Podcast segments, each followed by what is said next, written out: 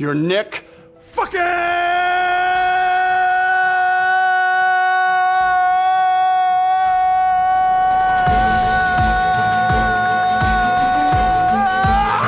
Wow, Cage! Så Christian. Lägga ner datorn. Då var vi igång. Ny studio. Ny studio, temporär studio får man nog säga att det är. kan eka lite kanske. Vi får se sen i redigeringen. Ja, vi får nog kanske kolla upp det. Men... eh, Ja, fan, nu har jag förlagt mina grejer igen. Vad letar du efter nu då? Där har vi grejer. Jag köpte med Du en köpte liten... dryck ja. Ja, jag köpte en dricka till dig. Hallon, äpple Och en eh, och en sportlunch. sportlunch. Jag Ja. klara mig? ja, för att jag tänkte... jag gjorde ju sån jädra miss på vägen hit. Eller inte är, på vad är vägen det för hit. lurar du har i din väska? Ja, men alltså, vi, idag, idag har vi lappat ihop grejer. Det kan jag tala om för dig. I sista sekund så ryckte jag med mig Mollys hörlurar. Aha. Eh, här. Vad fina de var. Så här ljusblå och rosa. Så här som barnfärger. Barn ska födas. Den rosa och den blå. Ja, men precis, exakt. Eh, för att vi sitter ju då i, faktiskt i min replokal eh, och spelar in dagens avsnitt av film, movies och pellicula. Och det är väl lite sådär ihopklistrat, men jag tror det blir bra ändå här inne. Det- Vi hoppas det i alla fall. Det, och det, jag Det skulle, ligger lite närmare hemmet. Därför Det- sitter vi här idag. ja, det jag skulle säga, Christian, vet du vad det var? Nej. Det är att jag gjorde en sån jädra miss. Vi sa ju det. Ja, men vi, vi kommer hem, vi får äta lite middag och så hörs vi av när vi har ätit. Middag åt jag. Som jag åt middag.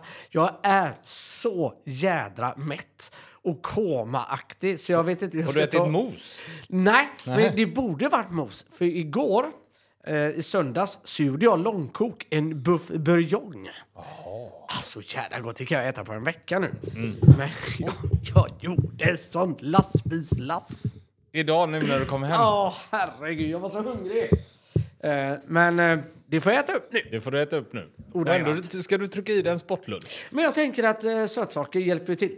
Ja, så är det. Eh, magsmältningar lite. Vi har ju ett otroligt eh, spännande avsnitt idag. Ja, Kanske ett av de bästa hittills. Ja, men jag tror det. Eller i alla fall någonting som är... Eh, vi, ligger oss lite nära om hjärtat på ett både hjärtligt sätt och ett litet humoristiskt Ja. sätt får man ju ändå säga. Vi ska ju idag prata om Nicolas Cage. Och det ska bara handla om Nic- Nicolas Cage. Allt han gör, allt han har köpt, vilka filmer han har gjort.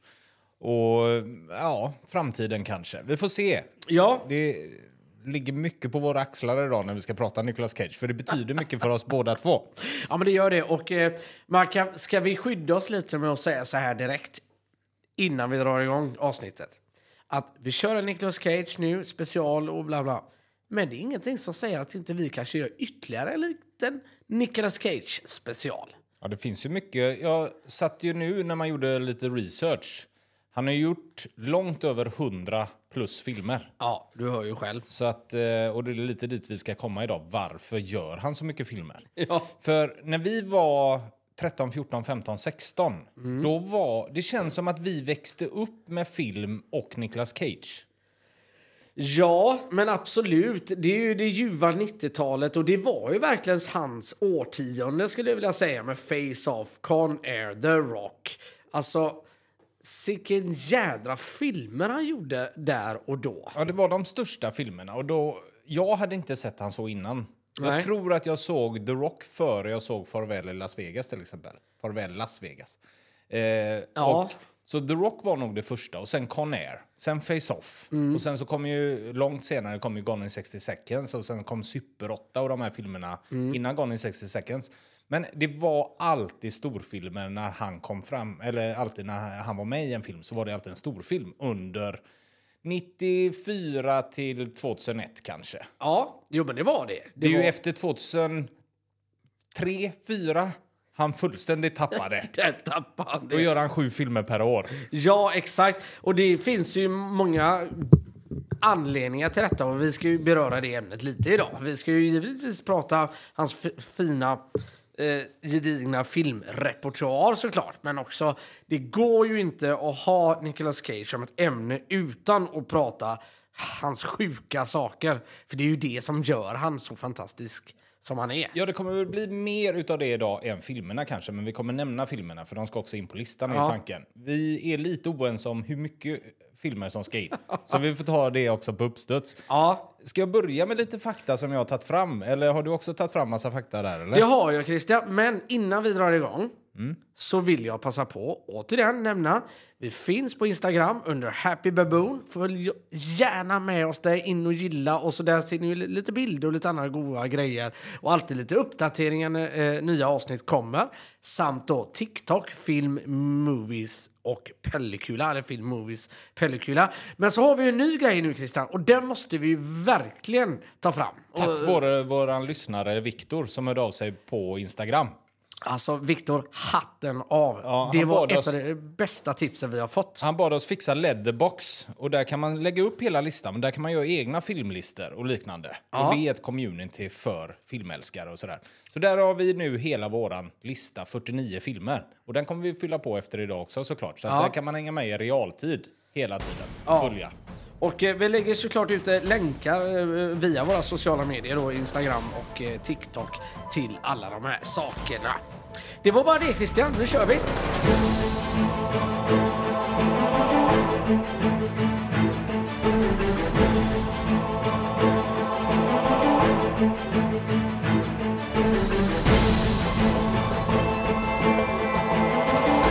You're Nick fucking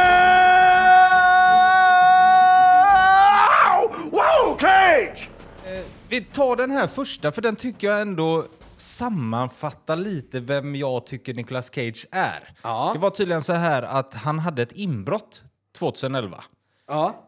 när han låg och sov. Så han vaknar upp av att det står en man naken men som har tagit på sig Nicolas Cage skinnjacka nere vid hans fötter, alltså vid fotändan utav eh, sängen.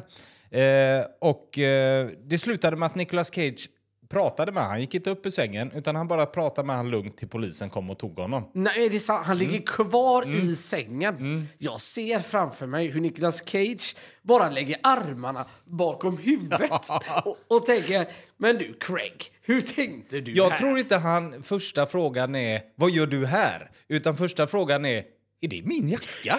Ja, exakt! Eller, För det är det som förvånar han mest. Ja. Är det min jacka du har på dig?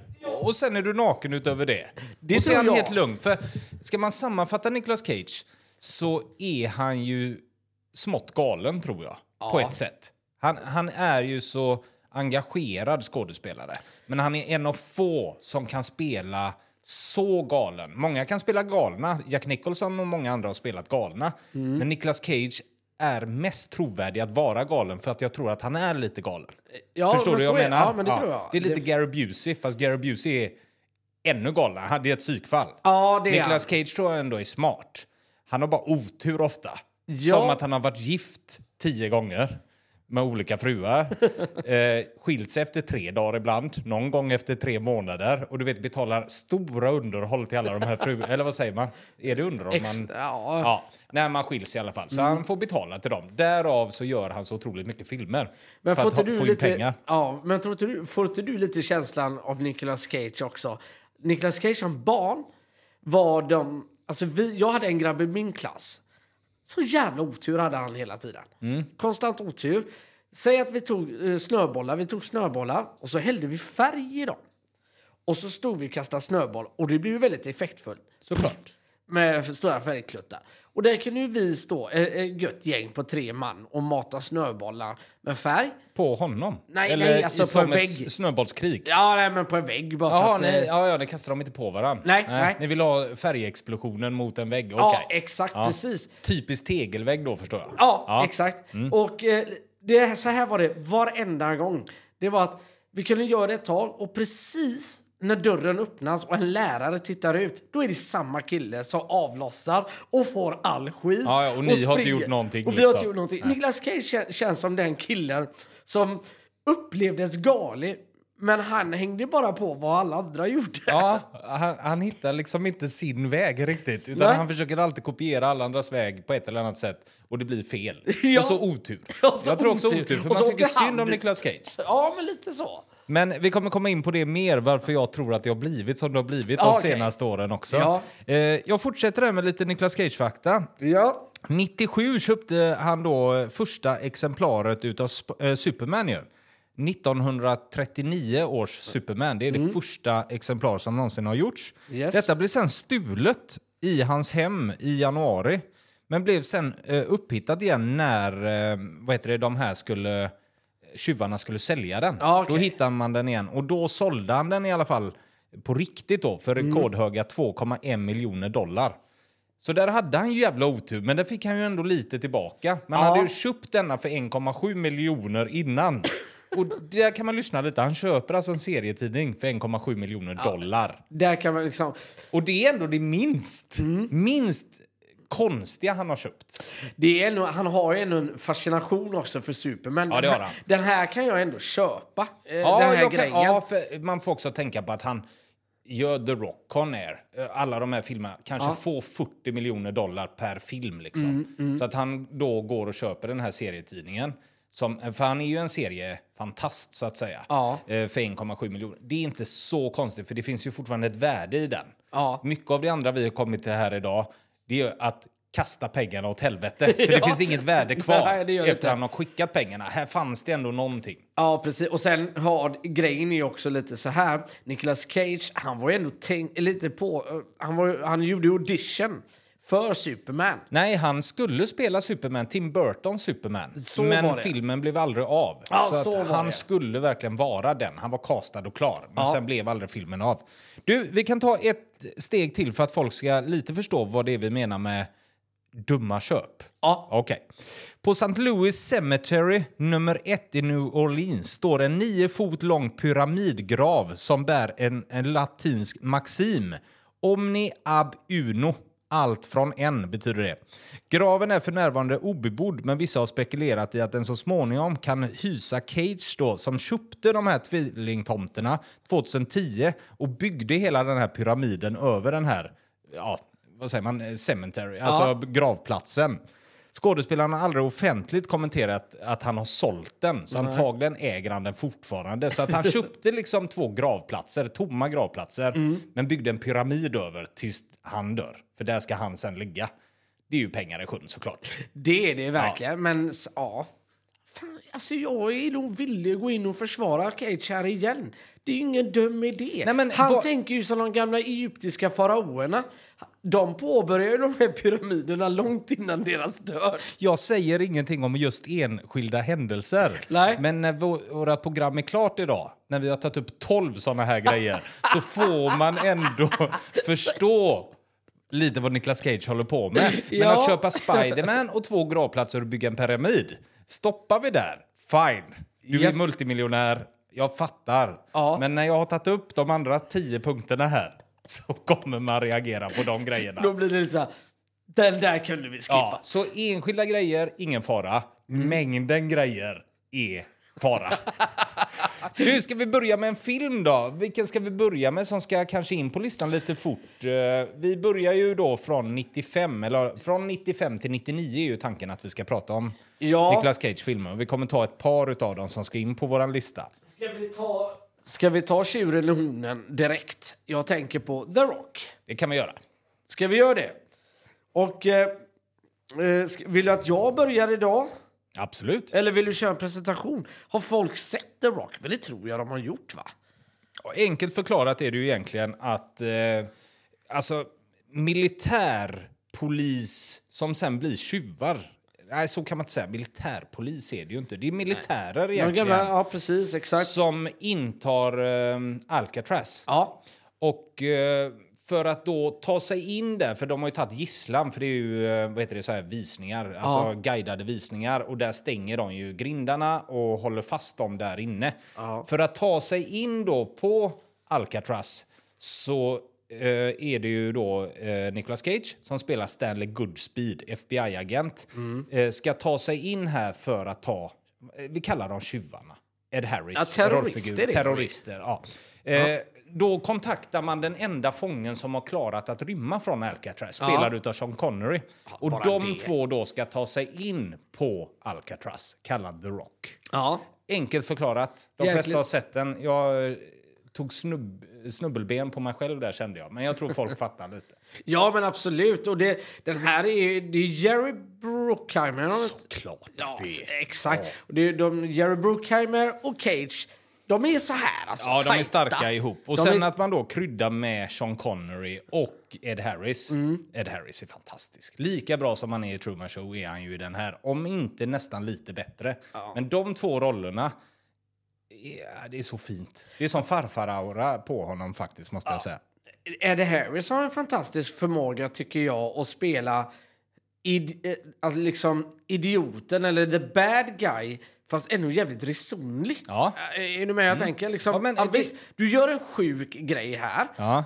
men jag fattar eh, hur du tänker, men det blir lite fel, Ed. Nej, för I The Rock så gör han ju det faktiskt för ett fint ändamål. Ja. Det, han, I slutet kommer det ju fram att han skulle aldrig gjort någonting med gisslan, han hade släppt dem. Ja. Sen att de stjäl de här gröna grejerna med den här jävla eh, gasen i som man bara dör på en sekund. Man typ brinner upp av den. Det är väl inte helt okej. Nej. Men varför han gör det, det är ju för att han vill ha pengar utav USAs government Ja. för att ge till änkorna av dödsoffer i det militära. Ja, precis. För att de inte får en riktig begravning. Ja, det är ju ja. det han vill åt. Så att ändamålet är ju fint, Ja, som det. han gör. Och likadant gör han ju i Truman Show på ett sätt när han stänger in han, Mm. när han sen förklarar, när Jim Carrey åker därifrån, att eh, jag har hjälpt dig från den hemska världen. Jag har byggt upp en drömvärld för dig. Du har levt ett fantastiskt liv.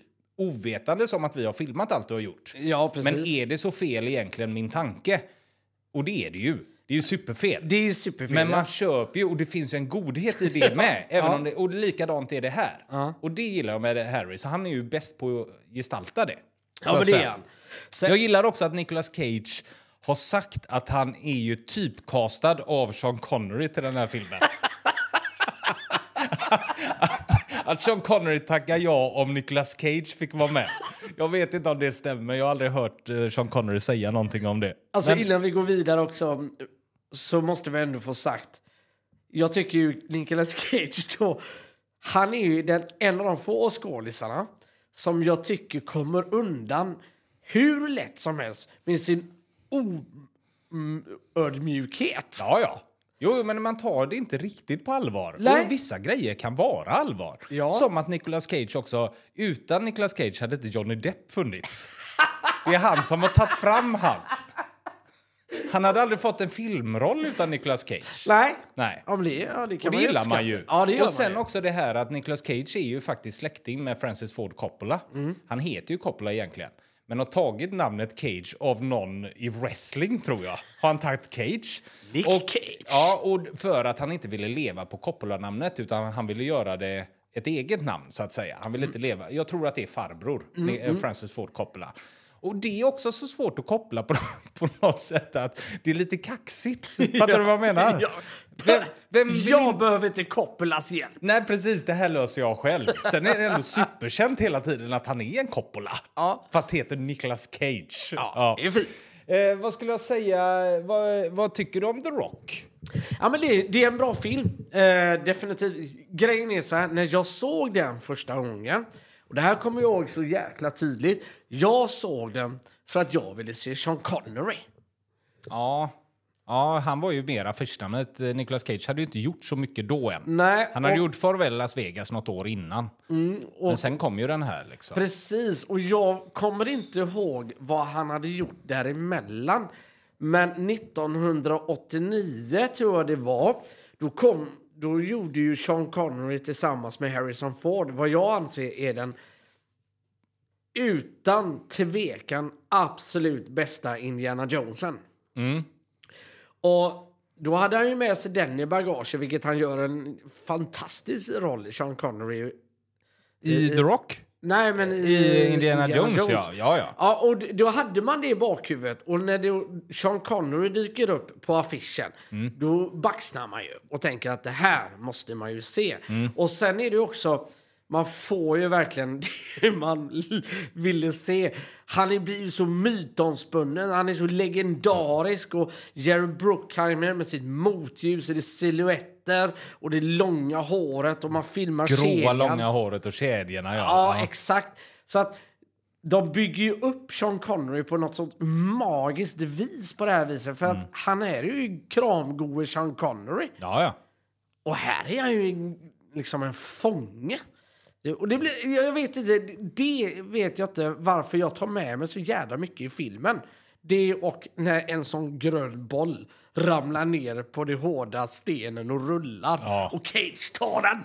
i Han sista- slänger sig och tar den utanför precis. Ja. Ja, precis. Exakt. Eh, man, man ser ju först, första scenen när man ser att Sean Connery är en, alltså en duktig tjuv, eller alltså en Mm. elaking. Det är ju när han blir klippt på balkongen och skickar ner den här frisören. Stackars frisören är det va? Han bundit fast han och skickar ner han där så att han Ja. kan rymma liksom.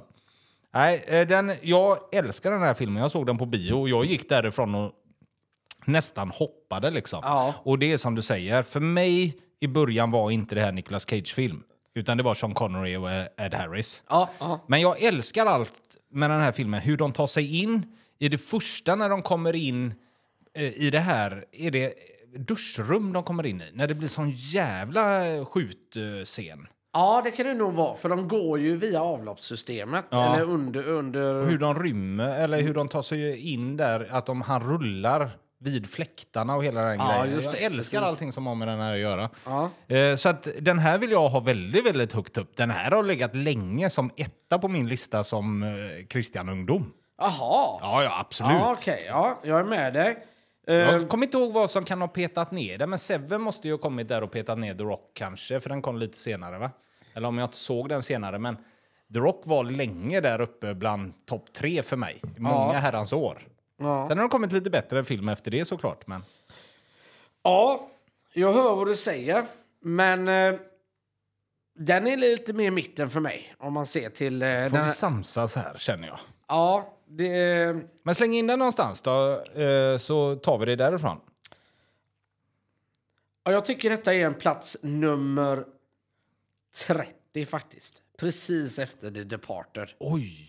Ja, då får vi samsas. Det man kan göra nu som lyssnare är att ta upp Leatherbox. Ja, Så kan man faktiskt se hela listan när vi ser den. Så får man ett lite mer hum om vad vi håller på med. Ja, Vilka exakt. filmer vi håller på att tampas med. Eh, du sätter den som eh, nummer 30 då, direkt efter Departed. Jag har den som nummer 10. Efter Jojo Rabbit.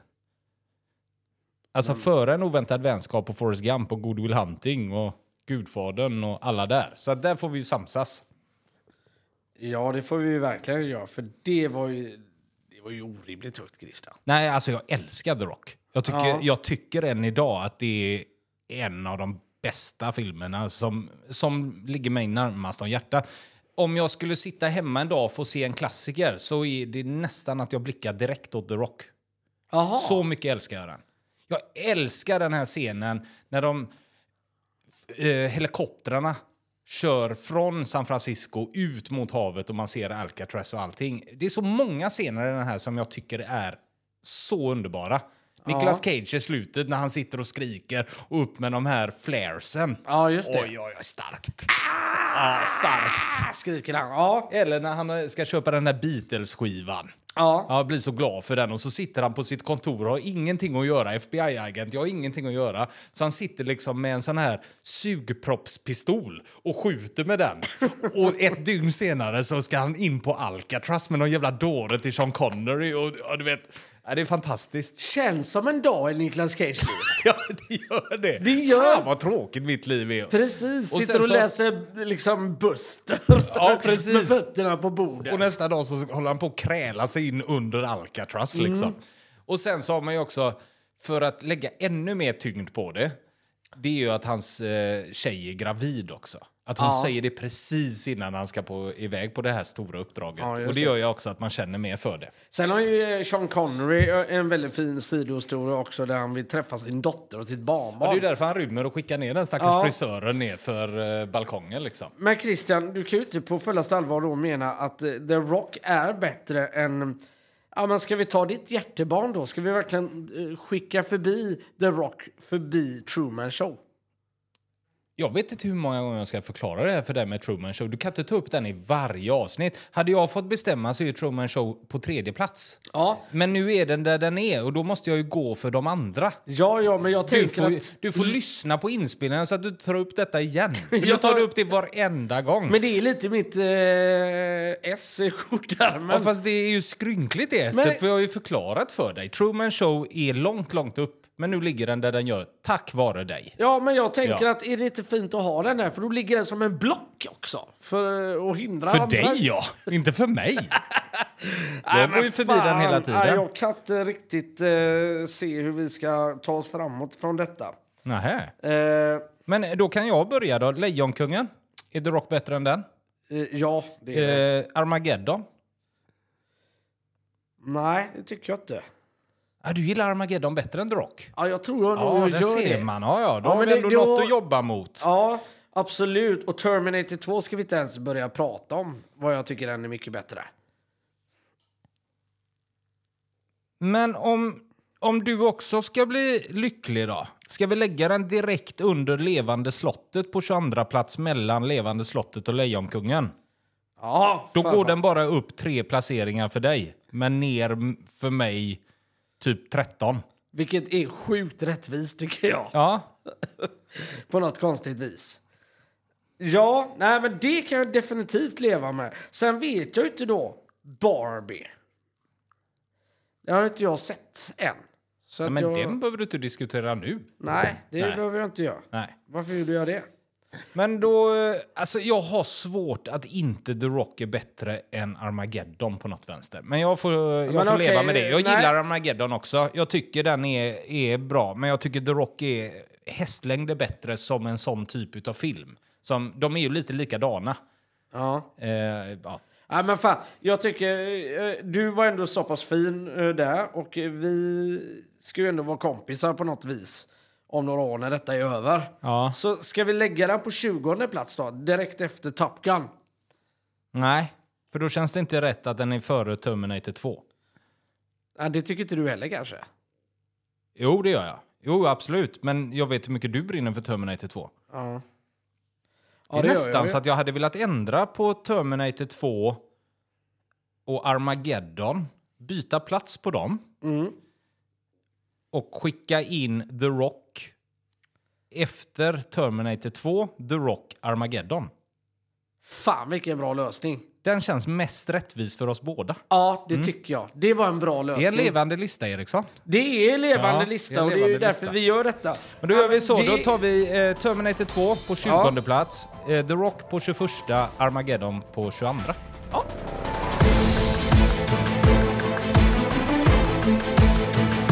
Your Nick. Fucking. Whoa, Cage! Ja, vi fortsätter med lite Nicolas Cage-saker. Sitter du och äter nu? Vad fan? Är det sportlunchen som skulle ner? Du sa för 20 minuter sedan hur mycket du har ätit hemma, hur Mm. proppmätt du är. Ändå sitter du och äter choklad på bästa sändningstid. Ja, ja. Var Du kan vara tyst, jag läser. Eh, vi gör så här. Jag tar lite snabba grejer vad, om Nicolas Cage bara. Ja. ja. Han köpte två kungskobror och detta slutade väldigt dåligt. Han blev bestört när han upptäckte att ormarna fortsatte att försöka attackera honom och sedan klaga grannarna tills han gav upp dem. Bara det är kul. Tänk att han tycker att... Han trodde- vad fan är du på med nu igen? Fan, mina ormar attackerar mig hela tiden. Två kungskobror. Han trodde han skulle vara kompis med dem. Han har ju en katt också, det kommer vi komma till sen, som är superroligt. Eh, vi fortsätter. Ja. Eh, han eh, hjälpte faktiskt ett fan som, var för, eh, som eh, blev slagen av Vince Neil, sångaren i Mötley Crüe. Ja. Eh, så han hjälpte henne, eh, men sen har han sagt att han inte hjälpte henne utan Vince Neil. Jag fattar inte den grejen. Men eh, Nej, jag läste detta någonstans också, men... eh, Kan det vara så att Nicolas Cage gjorde en felbedömning så att tjejen var på Vince Neil? Ja, kanske. Ja. Eller så var det att han inte ville att Vince Neil skulle åka dit kanske. Ja, så han kan sket. Mm. i tjejer. Jag vet inte, jag hänger inte med på den. Cage väljer sin kost utifrån djurens parningsvanor. han undviker fläsk eftersom han säger att grisar har smutsig sex. Men han äter fisk och fjäderfä eftersom fiskar och fåglar parar sig respektfullt. Ja. Gillar man. Det kan man... mm, Och fullt förståeligt. Fullt förståeligt. Ja. Han vill verkligen göra en musikal. Jaha. Den väntar vi fortfarande på, men det lär ju komma. Eh, hans helande händer räddade ett skjutningsoffer. Han åkte i en ambulans för att förbereda sig för sin roll som EMT i Mar- Martin Scorseses Bringing Out the Dead. Sedan blev det lite för verkligt. Så att han räddade någon som... Då trodde han... Han går ju in så mycket i rollerna. Ja, det gör han. Så att han trodde ju att han där och då kunde rädda folk genom att hila dem med händerna. Älskade. Han, ja, han drog väl... Han gjorde väl en film på 80-talet som heter Birdie, tror jag. Jaha. Han ryckte ur sin tand. Det är klart han För gjorde. att eh, ja, han skulle behöva vara tandlös eller någonting. Ja. Jag kommer inte ihåg den storyn riktigt, men eh, den, då rökte Det han. låter som Nicolas Cage. Det ändå. låter som Nicolas Cage. Eh, han var faktiskt första valet till att spela Aragorn i Sagan om ringen. Oj, den, den är egentligen sjukt otippad. Ja. På något vis är det det. Och det är man ju glad för idag när Viggo Mortensen istället gjorde den så bra. Ja, det kan man säga. Jag tror inte Nicolas Cage skulle varit med där. Men vad vet jag? Han har ju löst allt annat, så varför skulle han inte ha löst det? Ja, jo, det är väl sant. Eh, hans fru, eh, Lisa Marie Presley, Ja, de eh, var, hade varit gifta i tre månader och åkte ut på en stor jakt. Alltså en stor Ja. båt. Och eh, hon blev vansinnig och tog av sig ringen för 100 000 dollar. En miljon ungefär då hade Ja. han ju gett henne en ring. Och kastade den i sjön. Eller havet. Han har sen försökt fånga upp den här. Och du vet, anställt flera dykare, båtar, allting. Aldrig fått tag i den. Så att det har ju kostat han upp mot 7 miljoner. säger det så jävla så jävla Ja, men han har betalat 6 miljoner extra för att få tag i en ring värd en miljon. han drog aldrig i nödbromsen, han skulle ha tag i den. Ja, av ren princip. Ja. Av ren princip. Eh, vi ska ta något mer här då. Eh, Den är inte så rolig. Eh, han hade tydligen med en hallucinatorisk leguan som bet hans regissör Werner Herzog till någon film. Jag orkar Och då tänker man, vadå så här hallucinatorisk leguan? Jag vet faktiskt inte, men om man läser nästa grej han har Ja. gjort. Har du läst den också som jag kommer till nu eller? Nej, jag vet inte. Jag ska bara kolla vart den står. Uh, fan vad mycket papper jag har. Ja, vänta lite, var- ja, vänta det- lite, jag har den här. Men vad fan tog den vägen? Har det med bläckfisken att göra? Nej, nej, har du en bläckfisk i sko- Ja, det har jag. Han, han köpte ju en bläckfisk för 150 000 dollar.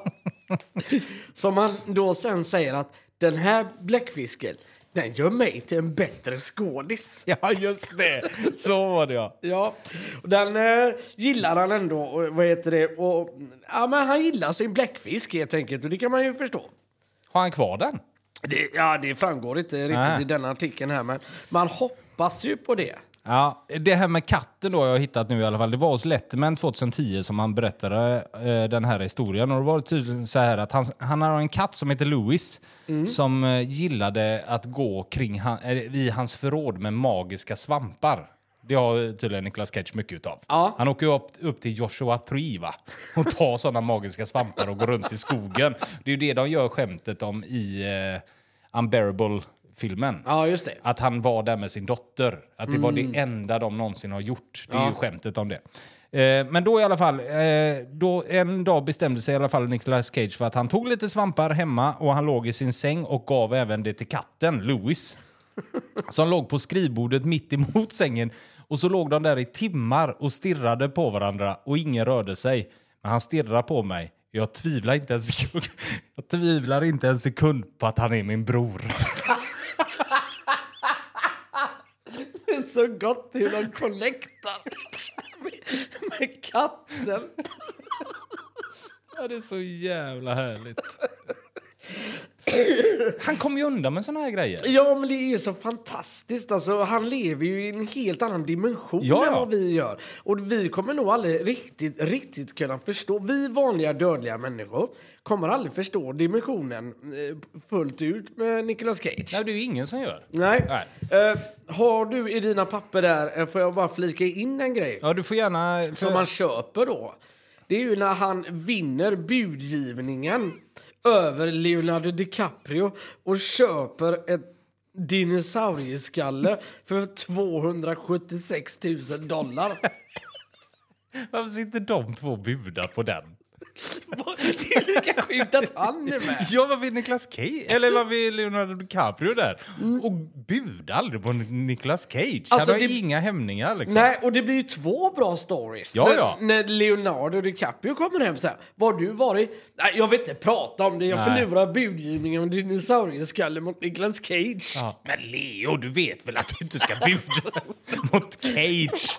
Han är inte klok. Du, jag har en grej till här som också har kostat han otroligt mycket pengar. Och det är att han faktiskt försökte resa världen runt för att leta efter den heliga grailen, alltså the holy grail. Utan att hitta den. Så han gav upp och trodde att det bara var en vettig metafor.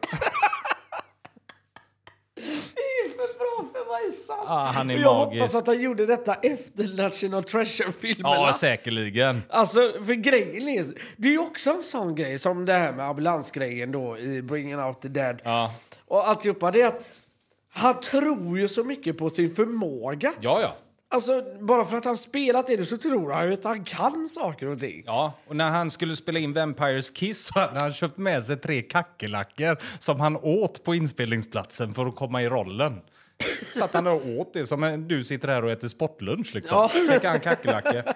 Du, jag tänker vi hoppar på eh, en nästa film. Ja. Ehm, jag vet inte hur många vi hinner med idag, men tanken var ju att vi skulle ta Änglarnas stad, Super 8, Snake Eyes, Farväl Las Vegas, Face Off va? och sen The Unbearable Weight of a Massive Talent. Ja. Och den tänker jag vi tar sist, för den sammanfattar lite allting vi pratar om här idag. Ja, men det gör det. Ska, absolut. ska vi gå in på tre snabba då? Ska vi ta Änglarnas stad, Super 8 och eh, Snake Eyes? Ja, okej. Det är tre jävligt uh, udda rullar allihopa. Uh, nu ska vi se vad jag gjorde om min telefon. Jag skulle haft en penna känner jag nu, för att jag behöver ju skriva upp här. Ja, men eh, du får väl skriva på datorn där kanske då. Ja, men jag löser det. Ja, Änglarnas stad, ska vi börja i den änden? Ja, det kan vi göra. Eh, en film som aldrig har uh, killat mina nerver Meg överhuvudtaget. Ryan också, va? Ja, det är det. Eh, för mig eh, hamnar jävligt långt ner. Faktiskt. Ja. Eh, jag tror vi är nere... Ja, men den är ju bättre än Svensson Svensson och Some of All Fears och 51st Date. Det är den ju. Och där är vi, eller? Ja, den, ja, ja, jag- alltså jag lägger inte så mycket vikt i den filmen, jag ska vara Nej, ärlig. nej, På plats nummer 47 Vi kanske inte ska den. med, med den alls. Nej, jag tycker inte Det det. kanske blir för mycket Ja, med den, eh, för den kommer inte klara sig till 250 ändå. Nej, det kommer Nej. jag inte göra. Vi stryker Änglarnas stad. Ja, vi gör det. Ja, för jag tycker inte heller den är något att ha så. Nej. Eh, däremot Super 8 vet jag att du eh, känner mycket för. Ja, jag känner mycket för men grejen är att eh, när den kom så... Ja, men den var ju så jävla grotesk. Den var ju riktigt äcklig. Och då snackar vi inte typ splatterfilmer eller eh, skrämselgrej. Utan Nej, thrilleraktig. Går, ja, thrilleraktig mer. Och det, i alla fall jag, eh, hade nog på den tiden för mig var Seven det sjukaste jag hade sett i den typen av psykologisk thriller. Därför tyckte jag Super 8 var wow, nästan tog det till ytterligare en nivå. Ja. Eh, därför så kommer jag ihåg denna så starkt. Eh, men jag tror ändå fortfarande att vi är där uppe. Bland, direkt till Svensson Svensson igen. Ja, direkt till Svensson Svensson. Där, och det gäller även eh, Snake Eyes. För mig, eh, jag tycker Snake Eyes är jädrigt cool. Eh, men okej. Det är en Brian De Palma-film. Ja. Snake Eyes. Eh, nej, men plats 47 för mig när det gäller eh, Super 8. Det är kul, för exakt där hade jag den också. Okej. Så att, eh, där behöver vi inte ens diskutera. Direkt efter Demolition Man, precis innan Svensson Svensson. Ja.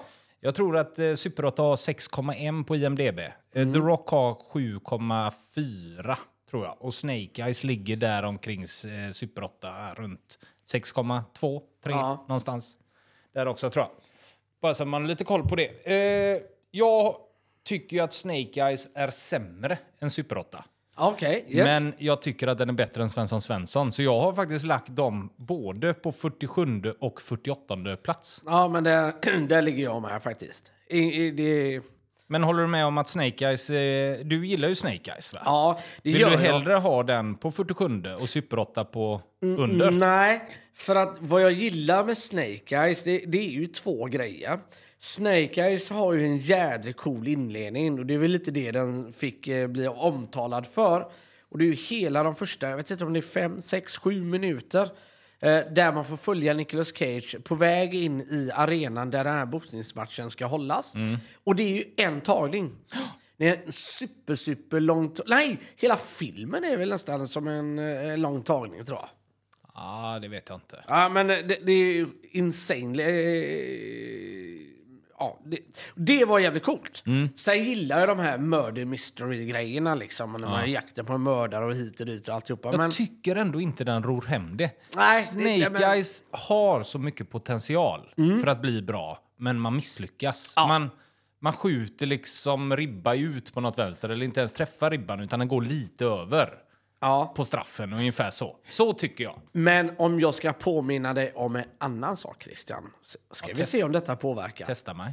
Nicolas Cage i leopard. Ja, ja. Leopardskjorta med lila kostym. Ja. Och hade, han är snut. hade han inte haft det så hade han varit efter Svensson Svensson. så det är det som räddar den. Ja, ja. men det är lite coolt eh, kan jag ju tycka. Men eh, nej, fan, jag är helt med dig. Absolut. Eh, 47-48 för eh, Super 8 och Snake Eyes. Vi har eh, tre filmer kvar att nämna, men har du lite andra anekdoter om Nicolas Cage? Det finns ju otroligt mycket. Som till Ja. exempel att han eh, sov i Draculas slott inför en inspelning utav Ghost Rider. Då hade han tydligen åkt iväg till det här slottet då, som finns i eh, Rumänien såklart. Ja. Eh, och eh, Ellis Alba heter han va? Idris Elba. Ja. Idris Elba. Hade frågat han, vad, är- vad är det Nicolas Cage? Det är klart han inte säger, vad är det Nicolas Cage? Vad är det Nicolas? Ungefär säger Ja, han. så här, ja, "Vad- ja. Hur mår du? Vad är det som har hänt?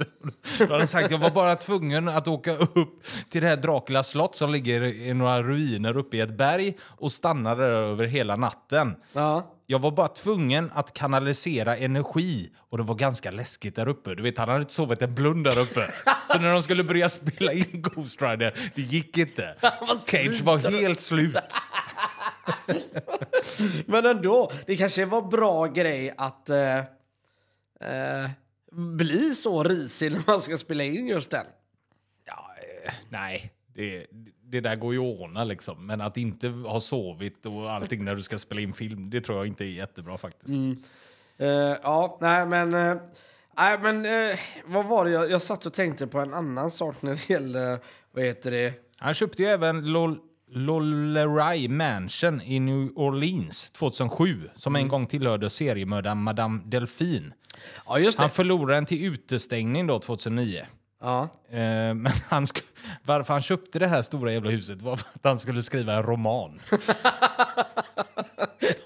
han skulle få feeling i det ja, huset. det, det är såna här grejer som gör Cage. Liksom. Ja, det Alltså, älskar man. Ja, grejen är så här.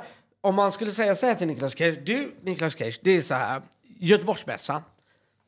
Kan du komma? Ja. Vad är det för mässa? Det är båtmässa. Då skulle han segla till Göteborg bara ja. för att liksom få feeling. Ja, för det har jag inte med nu och det är lite synd. Och det kanske du var med, men det finns ju faktiskt en Nicolas Cage-festival som några eh, människor då har skapat där de sitter och tittar på Nicolas Cage-filmer. Jaha. Och där har ju han dykt upp och förstörde hela den här festen för att han ville ha allt fokus på honom. Så det slutade med att under tiden filmen, alltså när de satt och tittade på den, då ställde han sig upp på scen och skulle berätta om hela filmen så folk tröttnade. Det är världsklass. Jag kan läsa en liten rubrik här bara. Och man behöver inte gå in i detalj på detta. Det är bara att ens rubri rubriken existerar. Mm. Eh, Kathleen Turner, alltså skådespelerskan, Mm. eh, anklagade Nicolas Cage en gång, felaktigt dock, Såklart. För, för att han hade stulit hennes chi- chihuahua. Och det är detta, här sluter vi lite säcken med där vi började, att han alltid har otur. Det är som din snöbollskompis. Ja. Han var säkert bara på fel ställe, på, ja, du vet, på fel plats liksom. Ja, exakt. Och då trodde de att han hade stulit den. Ja. Men du, ska vi gå på lite mer filmer då? Jag tänker att vi kanske ska ta Farväl Las Vegas med Ja. Elizabeth Shue. Vi ska inte bli allt för randiga där heller, men det är en film som handlar egentligen om att Nicolas Cage blir väl av med jobbet och bara ger upp livet. Så att han tar sina sista pengar, köper alkohol för dem och ska åka till Vegas och dö. ja. Träffar strippan då som spelas av Elizabeth Shue som han eh, ja, umgås med. Och den är så bra. Ja, grejen är så här Christian. Ja, det här är en av de få filmerna som jag, jag hann fan inte att se den. Ehm, Har du aldrig sett den? Jo, jag får gå lite på gamla minnen, men Ja, det, ja. Är, det är fasiken med länge sen. Ja. Men i och med att du är ju men du är typ min bästa kompis, så Ja. jag litar ju på dig här. Det gör jag faktiskt. Eh, och, och säger du det du säger om den filmen så tror jag ju på Ja, dig. det, alltså, den är så jävla bra. Där Mm. får man se en helt annan sida egentligen utav Nicolas Cage. Den är ju, I de flesta roller så är han ju trasig eller lite galen. Eller som i The Rock, där är han ju ändå påkopplad hela tiden och är vanlig. Här är han ju så trasig Ja. som han kanske upplever själv i verkliga livet ibland, tror jag. Han ja, ju- men var detta jag, innan? det, det var väl lite i början av hans karriär? Ja, också. detta var ju, när kom den? 93 eller någonting va? 94? Ja. Jag tror till och med han vann Oscar för den va? Ja, det kanske han gjorde, ja. Ja, vi får nästan dubbelkolla det. Jag tar det lite på uppstuds. Men det, han var i alla fall Oscars-nominerad Ja. för den. Och Elizabeth Shue är också så jävla bra. För att Ja. hon måste jag säga, det är likadant i Cocktail. Hon har ett utseende som gör att man tycker lite synd om henne. Det känns alltid som att hon har någonting att vara lite ledsen över. Ja, eller Det tycker jag jävligt illa tillbaka till fram- behandlad. Ja, som att någon har sårat henne Ja, rejält. precis. Med det, ja. Och när hon då går in i den här filmen Ja. och, och bara får hänga med han och nästan blir så medberoende av hans dystra, mörka liv Ja. så är det... Ja, de passar så bra ihop i den filmen. För det är ju egentligen bara de som gör hela Farväl Las Vegas. Ja, absolut. Men- Äh, men den, är, de- den är ju väldigt stark och det skulle jag nog säga av de filmerna vi har tagit upp idag så är ju det en av de starkaste. Ja, ja, ja. He- helt klart. Det andra det är ju action av allra högsta grad, men det här är ju på riktigt om man säger så. Det är ju en drama som är erkänt svin eh, bra liksom. Ja, exakt. Eh, vad sa vi om The Rock? Vi la den på... eh, Vi ändrade ju lite där ja. Vi la Terminator på 20, eh, The Rock på 21 och eh, Armageddon på 22 va? Jag ska bara skriva i här för jag missade det förut. Eh, The Rock 21 då. Eh, Ja. Farväl Las Vegas. Jag innan eh, dagens inspelning la den faktiskt direkt efter Top Gun Maverick. På 20 plats. Men om vi lägger The Rock där så vill jag nog faktiskt kanske ha ner den lite till och då vill jag lägga den kanske under det levande slottet innan Lejonkungen. Ja, men absolut. Du litar på mig? Ja, men det gör jag. För jag, Ja. jag var rädd att det skulle gå åt andra hållet. Så nu... Uppåt? Ja. Ja, nej, för jag vill nog, eh, alltså för egen del vill jag ha den hög, eller lägre än The Rock. Så att, eh, då får det bli så. ja, men det är jag helt med på. Eh, suveränt. Faktiskt. Ska vi snabbt in på eh, Face-Off också då? Ja, För den såg jag klart häromdagen. den är ju definitivt... Och det är en John Woo-film nu istället pratar vi, va? Ja. En av hans första i USA. Ja. Han hade väl inte gjort så mycket innan den tror jag. Det kan varit någon film. Sen gjorde han ju Broken Arrow och mycket annat. eh, Fil- John Woo. Men det är en typisk John Woo-film. Ibland, jag såg den faktiskt, eh, jag såg klart den igår. Eh, Jag fick delat upp den för jag hade inte tid innan dagen. Så att jag såg halva och sen såg jag halva och slutet igår. Och ibland kan man känna att nu överdriver du. Ja, det är mycket alltså, det slow blir så motion. jävla mycket. Ja, det är mycket slow motion. Det är otroligt mycket skottscener. Alltså, Ja. Mm. det bara peppras. Det finns en scen när polisen åker till det här gömstället som Nicolas Cage eh, är på. Alltså Mm. John Travolta då. Jag vet inte hur vi ska förklara den här filmen, men när de byter Ja, men vi ansikten. säger Castor Troy då. Ja, Den Castor är- Troy då, då är det den onda. Ja, exakt. Ja, och eh, Sean Archery är den goda polisen. Mm. Eh, Sean och Castor då. Men när de är hos Castor då, Ja. eh, då åker polisen utanför det här stora... eh, Ja, det ser ut som ett stort lagerhus. Ja, ett lagerhus, ja. Som man har gjort om till en bostad. Eh, precis. Ja. Eller ja, det är restauranger och sånt där med, men de bor där också. Jag hänger inte riktigt med på vad det är. Men där, de pepprar ju sönder hela huset verkligen. Ja, det de alltså, det är ju riktiga kanoner, kulsprutor. Som de bara, och där blir det lite väl... För det har de gjort bara för filmen. alltså, ja, ja. wow! Ja, men det är Sådär. effektfullt. Men om jag bara får säga snabbt om Face-Off. Ja. Jag kan inte se två bättre skådisar till den här rollen. För det som gör Face-Off så jävla bra, om man bortser från all action och själva grundhistorien, så älskar jag det här med att Först bygger man upp John Travolta som den snälla polisen som eh, du vet får en son som dör. Man får lite känslor för honom och hans utseende och hur han är och hans familj. Och så visar man Castor Troy som är helt galen. Alltså det är den, nästan den galnaste figur jag sett på film. Ja. Så mycket gör man honom. De gör ju kontrasten så jävla stor Ja. för att man sen ska byta. Så sen när de byter ansikte, då blir John Travolta den onda. Ja. Då, är ju han, då har ju han det onda sinnet. Ja, precis. Ja. Och Castor Troy, då, Nicolas Cage, eh, han blir den goda. Och det här ska du liksom hänga med i i filmen hela tiden. Ja. För du har ju fått se först Nicolas Cage helt galen. Ja, Hatat han. hör det, Sen ska du tycka om Ja. Mm. honom. Och det är så jävla starkt. Och det tycker jag man gör så jävla bra, många grejer i filmen. Som, det finns en scen till exempel, jag tror att det är nästan är första gången bara de två möts och de ska skjuta varandra. Varpå man ställer bägge två mot varsin spegel. Så de står ju och siktar på varandra när den andra är på andra sidan spegeln. Mm, ja, det är snyggt. Och då är det ju att eftersom de har bytt ansikte Ja. så ser de ju den andra. Ja, ja visst. De, si- alltså, de, de siktar ju på, inom situationstecken, på rätt person. Precis, Ja. fast de är de själva. Och Ja. så gör man så jävla många grejer i den här filmen som är skitsnygga tycker jag. Mm, Så rent film, alltså hur man har gjort, förenklat allting egentligen. Det går inte att byta ansikte, byta Mm. Nej. kropp, se- fettsuga dem, ta bort det, lägga håret där, ja du vet allting. Nej, nej, nej. nej. Men hur man gör det i den här filmen, jag köper det rätt av. Liksom. Ja, absolut. Som underhållning. Ja, men exakt. Men det som också... När man sätter ribban på Castor Troy och hur jävla sjuk han är. Och det, jag vet inte varför det här sitter så etsat i mitt huvud. Det är ju direkt efter operationen och alltihopa där. Där då Castor Troy eh, vaknar upp i operationen.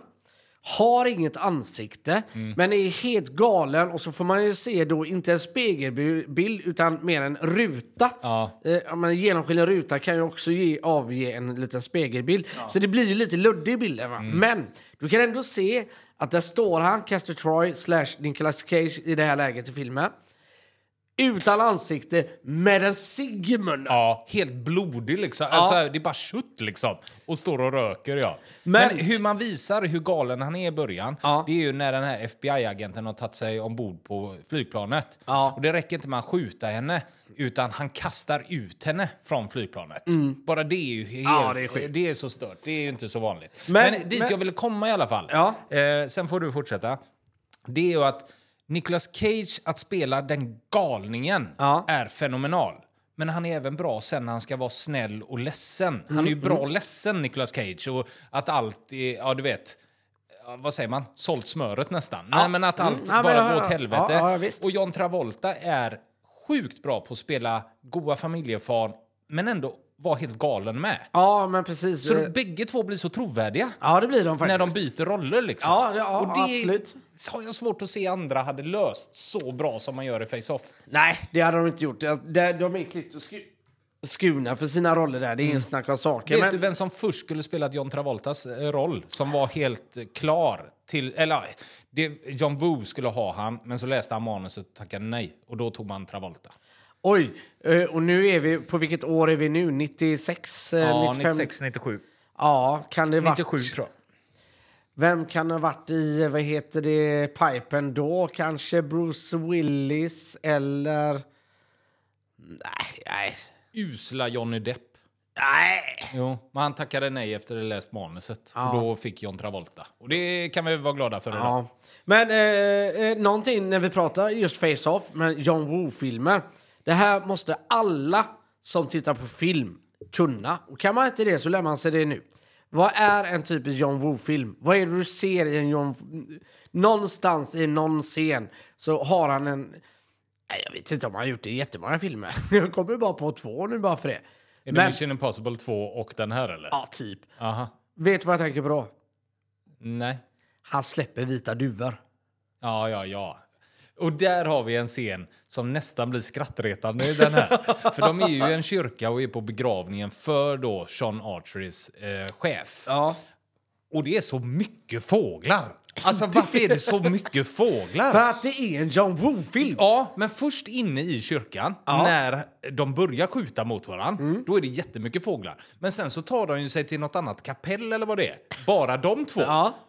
Då har man fördubblat för alla fåglar. Och då är jag det hur mycket fåglar som helst. Ja, jag ser. Men det, det, det är ganska så kal och tråkigt filmsätt. Det är ju väldigt eh, öppna ytor. Ja. Och jag ser John Woo framför mig sitta och titta på skärmen och tänker så här. Nej, stopp, bryt, in med mer fåglar. Ta resten av fåglar, in med drösen. In med resten av fåglarna. Den här scenen saknar något. Men vilken film har han gjort det mer i? Ja, Mission Impossible 2. När då? Är det mycket fåglar där? Eh, han gör det bland annat i slutscenerna när de är i Australien eh, ute på den här eh, udden. Och så tror jag han gör det också i... Eh, Fast om, om han är ute på udden där i Mission Impossible så är det ju naturligt att det är fåglar där. nej, men alltså... Jo, men det är det ju. Jo, det är klart alltså, att det är, det är det. mer naturligt att det är fåglar ute i det fria än inne i en kyrka, som han har gjort här. Alltså, vi kan ju se duvor inne i Nordstan. Det är inte så konstigt. Äh, vad dum jag är. Ja, det är klart man kan. Ja, ja. har man ju sett massa fåglar. Det är inget konstigt alls. Jag var i Smögen i somras, var på en, eh, på en restaurang där. Ja. Där gick det fåglar överallt. Jag faktiskt. det. Ja, så nu fick jag en tankeställare. John Woo ser att fåglar är ett ganska naturligt Ja, inslag men han i- fattar att överallt. Ja, det här är naturligt. Ja. Ja, ja. ja. Vad, eh, har vi något mer med Face-Off? Eller känner du någonting med Face-Off? Nej, det gör jag inte mer än att... Fasiken om jag kommer ihåg fel. Men eh, jag tycker man ska försöka minnas tillbaks på filmen Face-Off och eh, den här då Castor Troy och tänka på hans vapen. För det tror jag vi kommer återkomma här till om en liten, liten stund. De här guldpickadollerna. Guldpickadollerna Du, där. också få eh, sluta den här lite cirkeln som vi påbörjade i eh, förrförra veckan innan Johan Wanlo-avsnittet. Ja. När din eh, härliga sambo Camilla tog med The Departed. Ja, just det. Då sa ju jag att det är en Hongkong-thriller från början som man har gjort om, eller hur? Och den här Hongkong-thrillern då heter Infernal Affairs och är en version av Face-Off. När man såg Face-Off så gjorde man en liknande film med poliser som sen bytte sida. Känner du igen det? Mm. Fast man ville inte göra det, det här science fiction. Så man ville inte att man bytte ansikten utan man planterade en tjuv hos polisen och en ja, kriminell eh, där, så att säga. Kan du tänka dig då? Och därav är Departed hämtade från den. Så Departed är gjord egentligen från Face-Off. Ja, och det är det är hit jag vill komma. Ja. Vi har Face-Off och tankar för när det gäller Departed. Kul ändå. Sånt här var roligt att höra. Det var glad jag blev nu. Det gjorde Ja. hela min dag. Så eh, tack vare Face-Off har Scorsese vunnit en Oscar för bästa film. Tack Cage! Ja, Tack får man Travolta. tacka för. Eh, det sägs också att det är en eh, tvåa på ingång. Det är manus allting är klart sedan 2019. Och 2021 anlitades Adam Wingard för att regissera filmen som tydligen kommer att bli en direkt uppfölj uppföljare till originalet. Jaha, okej. Och det gillar jag också, slutet där, när ehm, alltså John Travolta, då, Sean Archery, tar hand om Castor Troys son. Eh, det var inte med i manus alls från början, utan det som var första originalgrejen, Ja. det var att Sean Archery, man kunde inte operera tillbaka det, så han dog. Men testpubliken som såg den Mm. eh, hatade det och gav det typ överstruken geting, eller ja, etta, Ah, okej, nolla ja. i betyg. Så då var man tvungen att ändra till någonting som du kunde känna och ta med dig. Och då ändrade man, men han kan ju ta hans son liksom. Ah, Och så gjorde man den eh, grejen istället. ah, okej. Så ja. vet du det. Ja, det var snyggt. Eh, Face-Off ska såklart in på den här listan. Ja, det ska den ju. Och... Eh, Jag kan säga med en gång här. ja. Eh, jag hade den ju eh, efter The Rock. Men eftersom jag inte fick The Rock så högt upp eh, så får jag ändå sänka den här lite, tänker jag. Så att jag vill nog... Fan, det blir nästan samma grejer där. Nej, jag skulle vilja lägga den mellan Coco och Vi för Vendetta. Nej, Okej. nej, det vill jag inte nu, ser Ja. jag. För Independence Day tycker jag är bättre. Så jag vill lägga den mellan Independence Day och Femte elementet. ja, det är fan... Det är en bra placering. Det är det. Känner du okej med den, eller? Ja, men det gör jag verkligen. Jag sitter och funderar Ja, här jag gillar att Face-Off ändå kommer så högt upp. Ja, den kommer jättehögt upp. Men ja. fan, det, det, alltså man måste... Eh, när man, eh, du som sitter och lyssnar då, man måste komma ihåg en sak att... Eller du som lys, lyssnar. Att de nu, 30 år senare, så har de ju vuxit in på ett helt annat sätt i våra själar. Ja. Där och då var det coolaste action som fanns. Ja, okej, det kanske inte var någon liksom Marlon Brando-film och det var så djupt och det var hit och dit. Men det var fan, det var schysst och bra underhållning. Och när man återtittar detta nu 30 år senare så är det fortfarande jävligt skön eh, underhållning att Ja, titta på. När man ser den, som nu när jag såg den, jag tyckte nog faktiskt att den var bättre än vad jag hade i minne. Ja. Sen när jag såg den, precis som vi började prata om i det här avsnittet, att när de här filmerna kom var Nicolas Cage det största. Mm. Han gjorde alla storfilmer, The Rock, Conair, Face-Off, alla de här, de kom ju varje år. Liksom, Ja, ja, de här. visst. Och då var man ju så påtag, eller alltså man tog ju emot det här med hull och hår, actionrullarna. Men idag skulle jag nog fan säga, jag ser bristerna i den såklart. Ja, men det är klart man Men gör. fan vad jag älskar det, för att det är en Hollywood-action som det bara hänger med på. Och sen så har de de här då som jag förklarar när de står mot speglarna eller Ja. de grejerna som är så jävla starka Ja, i men den det här är de. filmen. Absolut, och jag håller med dig i det. Det, det finns ju jättemycket att ta på där. Och, och en del att lära hur man gjorde action på riktigt. Ja, Wu is the shit! Ja, mer fåglar. ja, med fåglar. Mer fåglar och mindre ansikten. Men du, jag tänkte att vi skulle börja runda av det här avsnittet, men det kan vi inte göra utan att nämna filmen som Nicolas Ah, Cage har gjort herregud. för att sammanfatta hela sin filmkarriär med hans privatliv. Ja, och vi kan ju bara... Vi börjar i den här ännu, för det här är rätt ände att börja. Och det är bara att bränna av titeln, så får man känna in den och så fattar man exakt allt. Lyssna på den här titeln som Nicolas Cage har om sig själv. The unbearable weight of massive talent. Alltså den otroliga vikten av massiv talang. Och detta är en film då Nicolas Cage spelar sig själv. Ja, det är det. Eh, får inga direkta filmroller. Nej. Men lever liksom, liksom kvar i det gamla. Och hans familj liksom, ska du inte lägga av nu? Och så här. Och han, nej jag har gjort Gone in 60 seconds, jag har varit het, ungefär den här grejen. Ja, han har ju inte råd att lägga av henne. Nej, han har ju så råd. mycket skulder och han ska ju betala gamla fruar och, och allt möjligt. Han måste ha in pengar. Han hela måste in tiden. pengar. Mm. Ta vad som fås. Eh, han får i alla fall ett erbjudande att få en miljon dollar om han åker och är med på en eh, kalas eller Ja. en fest egentligen. Precis, för en rik kille i Spanien. Precis. Och det slutar med att han får tacka ja till detta då. Ja. Åker dit som Nicolas Cage. Och det här är ett sånt uselt mästerverk. Ja. Hela den här filmen. Det är Pedro Pascal som spelar den här rika. Och deras... Alltså hur de två spelar ihop i den här filmen, det, är, det ger mig tårar så bra det är. Ja, men det är det faktiskt. Alltså, man ser en äkta bromance Ja. som växer fram under hela den här familjen. En av de Eller vackraste... fi- under hela filmen. En av de vackraste filmer jag har sett och vad det gäller bromance, det är när de sitter i bilen, är jagade och byter skor med varandra.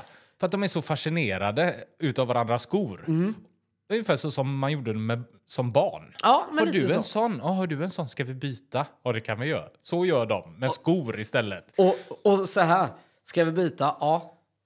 For life? For life. Ja. Ja. Och så byter det. de skor när de Ja. kör. Men jag vet faktiskt inte vad vi hur mycket vi ska berätta om den här filmen. Jag tycker folk ska få se den efter att kanske ha hört vårt avsnitt. Ja. Och se den här filmen för att jag tror att man förstör mycket om vi sitter och spoilar den allt för mycket. Ja, men jag tycker faktiskt det, för den är ändå så pass ny och det, vi kan ju lämna allihopa med veckans filmtips då. Ja. Helt enkelt att se denna för att man, alltså på något sätt så måste man ändå komma ihåg det är lite toppen på isberget när det gäller Nicolas Cage men man får ändå en ganska skön eh, hum om det och eh, vad vi har snackat om idag och det här hur självgod han är men ändå inser... Han är ändå inte... eh, Grejen är så här, han är ändå jävligt självgod. Det är Men det- han, han, han, han, han backar ju inte för att ta skitjobben heller. Nej, men vad jag inte förstår med den här filmen det är att han är ju den, han är inte den jag trodde han var. Nej. Men ändå, när man har sett klart filmen så är han precis den jag trodde han var. Nej men alltså det är så Ja. obegripligt. Ja, det är och det. som jag säger, det är ett uselt mästerverk om man gillar Nicolas Cage. Ja. För det är ju mycket av han det handlar om. Alltså, vi kan ju bara ta den här scenen, den här Pedro Pascal-figuren då, Xavi heter Mm. ju han. Han bor ju ute i ett jävla palats. Och Nicolas Cage, eh, jag behöver inte säga vad det är han ska göra, men han kommer i alla fall in i ett rum. Och där har då Xavi, Pedro Pascal, köpt saker som Nicolas Cage haft i filmer. Och det är som ett museum för Nicolas Cage. Precis. Och där går han in och det första han ser är en stor docka. Som håller i pistolerna som han har i Face-Off. De är är- guldiga Och pickadollerna. det är de riktiga. Och då Ja. säger Nicolas Cage, ni vet att de är alltså laddade, det är riktiga pistoler. Det är inte bara hittepå liksom. Och han bara, jag vet. Och så står de bara och mår bra själva för att Xavi då, Pedro Pascal, vet precis lika mycket om Nicolas Cage som han själv. Ja, exakt. för att han är en sån stort fan. Och då ser han den här stora dockan. Och så Som säger han så här, tycker "Ja, men gud vad vedervärdig." ful den är! Hur mycket betalar du för den? Ja. tre miljoner. Du får 20 för den. Så där skojar han också om sina pengar, sina konstiga köp när han köper kungskobror Ja, och ja, allting ja, sånt där. Men sen så ror han ju ändå filmen i hamn på en Nicolas Cage-filmaktigt sätt. Ja. Men han driver om sig själv genom hela filmen. Så jag har fortfarande inte fattat är det bara ett manus han går efter? Eller fattar han att han driver med sig själv? Ja, men det är klart att han gör. Det här är ju en, alltså, jag tror, han gör ju filmen för att han själv vet hur galet det har varit. Och varför inte göra en film och sammanfatta detta? Det är genialiskt. På ett Cage-sätt. Grejen är så här, vi tror att Cage har valt film efter film under karriärens gång. Cage är inte färdig än. Han håller på med ett livsverk här. Ja, det kan man lugnt säga. Ja, så att eh, någonstans här så knyter man... Alltså man, man måste se filmen. Ja, det måste jag, jag, man. Alltså, jag kan, det är som att gå runt het gröt här Ja. när det gäller filmen. För att det är så mycket jävla sköna saker som fick mig att bara gå ner i split och ropa ja! Ja, jag med! när jag såg det. Som Så det att- du älskar mest av allt, det är ju när han kommer i land där och s- säger då, vad, vad vill den här Xavi med mig egentligen? Ska jag se på när han har sex med sin fru eller ska jag ha sex med han? Och då säger han, jag är Xavi. Varpå Nicolas Cage bara gör en sån här ninja-hälsning och säger Nicolas Cage. han försöker inte förklara sig. Nick Cage. Nick Cage. Ja, Och sen så har han ju sig själv som alltså, låtsaskompis som man pratar med. Så att säga. Och då är det den här Nicolas Cage som kommer in på den här talkshowen med läderjacka och grejer och börjar kasta pengar till publiken och gör ka- karatesparkar och kullerbyttor. Han, han börjar ju med kullerbyttan. och en karatespark. Sen går han fram till publiken och kastar ut pengar innan han går och sätter sig för intervjun. Ja, Den Nicolas och Cage. slänger med håret. Det finns på Youtube för de som inte har sett det. Och vi kan även lägga upp det på vår Instagram faktiskt. Ja, men det gör vi. Det är Niklas Cage-klippet. Men jag vill ju ändå ha med den här filmen Ja. på listan för den ska in, så att säga. Ja, här kommer vi nog vara oense, för jag tycker ju detta är en av de absolut bästa Cage-filmerna. Varför skulle vi vara oense om det? Ja, men jag vet inte. Jag bara får för mig att du kanske... Ja, jag vet inte vad jag fick för mig. Nej. Men eh, jag tycker Ja, att... men den- börja du då, så hänger jag på dig vart den ska in. Och sen får vi avsluta den här Nicolas Cage-specialen för idag, tänker jag. Ja, men jag tycker den, den gör ett uh, jätteskött och rusar förbi där och hamnar... Nu har ju inte vi skrivit ner live här eh, var vi ligger. Eh, hade du antecknat där ungefär var vi låg? Ja. För jag tänker någonstans eh, efter... Jag kanske inte efter... Ja, men efter Top Gun Maverick, där någonstans. Jag tycker den klipper... Eh, Ja, men då är vi ju där vi har varit med The Rock, där vi ändrade. Terminator, idag har vi, eller nu har vi ju då Top Gun Maverick på 19 plats. Ja. Sen Terminator 2 på 20 plats. Ja, just det. The Rock på 21 och Armageddon på 22. Ja, förlåt mig. 21 då. Jag glömde av den flytten vi gjorde med Terminator. Så du vill peta ner Armageddon ett steg till och ha in denna innan The Rock. Ja. Där är jag. Där är du. Ja, Men jobba med mig här. Vad tänker du? Ja, men jag jobbar med dig, absolut. Jag tycker att detta är en helt annorlunda film än The Rock om jag ska ställa dem mot varandra för att vi har pratat om dem. Ja. Och det är det som gör det så svårt för mig. Men absolut att jag kan eh, få in den där. Vet du vad som stör mig här nu? Att de ligger där de gör. Det är Coco. Alla andra de filmerna som är bakom där Ja. Hade inte berört mig ett dugg, så att säga. Men just Coco känner jag mycket för. Det levande slottet eh, känner jag också mycket för. Men, Men, men, men framförallt Christian, Coco. jag, jag tycker faktiskt också så. Det är ju en levande lista. Om Mm. vi börjar och skjuter in den där och så får vi känna lite här under avsnittens gång så kan det hända att vi får liksom omvärdera Coco lite och arrangera tillbaka innan. Ja, vi kan se. Men eh, absolut då. Men jag vill ha The Rock före den här. Okej. Ja, Känns men, det okej ja, ändå? ja, men då möts vi halvvägs där. Det blir bra. För ja, som sagt, The Rock är ett mästerverk utan dess like. det här är ett uselt mästerverk utan dess like. Ja, det är det. Ja. Så att eh, då lägger vi då... Terminator 2 ligger kvar på då eh, 20 platsen. Ja. Och eh, sen så kommer The Rock och sen så kommer The Unbearable-filmen. Ja, ja. bra. Ja, det blir jättebra. Fan vilket härligt avsnitt och det känns som att man inte fått med hälften. Nej. Eh, jag, tänker att eh, ska vi avsluta? Eh, för nu är vi på väg att avsluta, Christian, va? Eh, återigen, Instagram har vi Happy Baboon. In och följ oss där. TikTok, Film, Movies, Pellicula. Och framförallt nu då, där lägger vi upp länkar till eh, listan då via... Eh, man kan se den via Letterbox.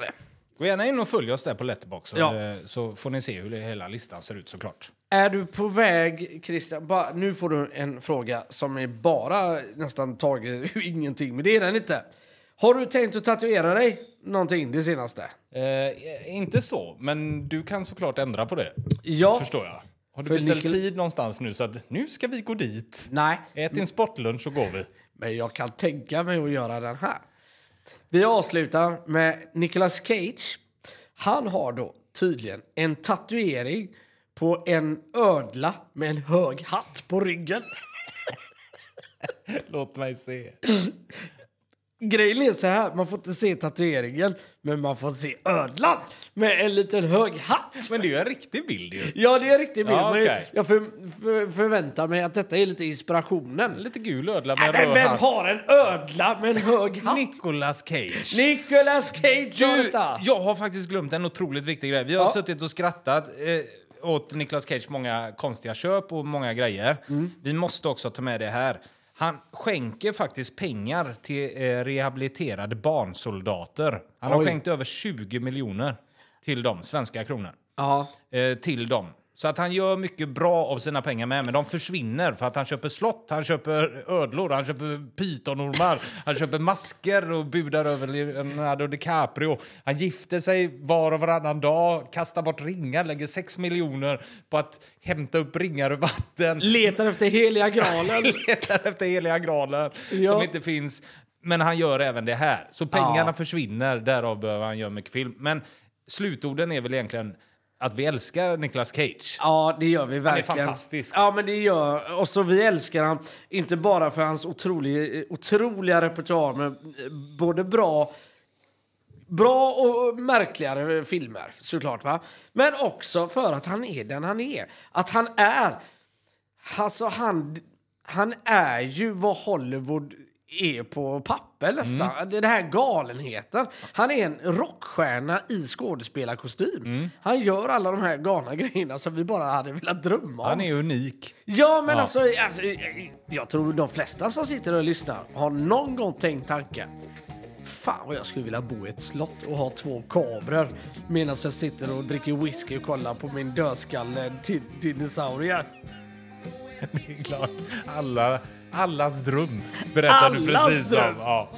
Ja, men stort tack Han för gör idag. det. Följ oss gärna på sociala medier och fortsätt gärna eh, lyssna. Och eh, tryck gärna in ett betyg i eh, Spotify eller Podcaster. Det Mm. gör mycket för att komma upp bland alla andra avsnitt där. Ha det gött! Hej då! Hej hej! You're Nick fucking